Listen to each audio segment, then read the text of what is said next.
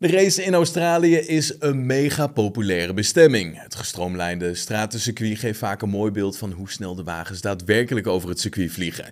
Inhalen is hier altijd echter wel lastig geweest, waardoor er met name de laatste jaren regelmatig in een treintje werd gereden. De organisatie heeft daarom het circuit de afgelopen tijd flink op de schop genomen om het spektakelgehalte omhoog te krikken.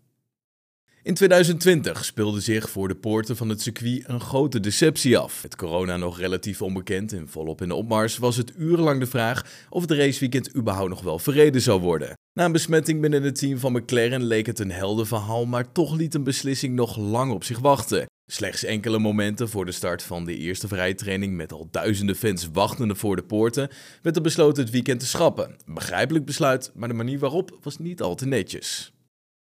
Goed, laten we even de aanpassingen met je doornemen. De eerste bocht is wat breder gemaakt om de chaos bij de start van de race te voorkomen. De oorspronkelijke layout werd beschreven als een soort van bottleneck. Door de krappe eerste knik naar rechts was het vaak direct raak na het uitgaan van de lampen qua botsingen en gele vlaggen. Bocht 4 heeft eenzelfde soort behandeling gekregen, deze is namelijk 4 meter breder gemaakt. Bocht 6 is maar liefst 7 meter breder gemaakt en ja, dat heeft veel impact, want de verwachting is namelijk dat de coureurs hier ruim 70 km per uur sneller door deze bocht kunnen dan voorheen. De grootste aanpassing is toch wel de toevoeging van het nieuwe rechte stuk, doordat de chicane tussen bocht 9 en 10 is weggehaald.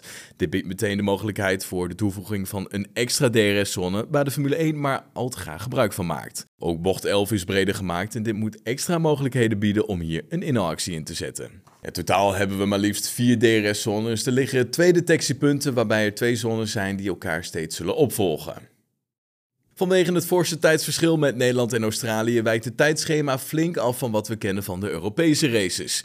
Wie alle sessies live wil volgen, zal toch wel zijn wekker bij de hand moeten houden. Want het weekend wordt namelijk op vrijdag 8 april afgetrapt met de eerste vrije training om 5 uur in de ochtend. De tweede oefensessie volgt om 8 uur. Zaterdag 9 april begint om 5 uur in de ochtend de derde en laatste vrije training. De kwalificatie wordt om 8 uur verreden. Op zondag 10 april is het om 7 uur in de ochtendtijd voor de Grand Prix van Australië.